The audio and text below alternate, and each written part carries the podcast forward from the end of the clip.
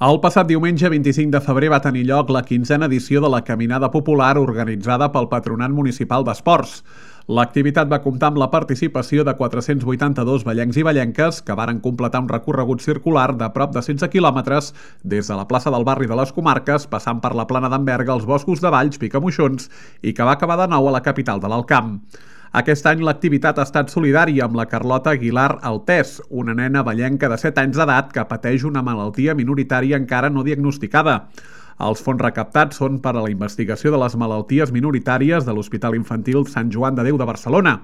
Concretament es va aconseguir una recaptació de 2.675 euros gràcies a les aportacions voluntàries dels i les participants i a l'ajut de l'empresa iCity que va col·laborar amb una dotació de 500 euros.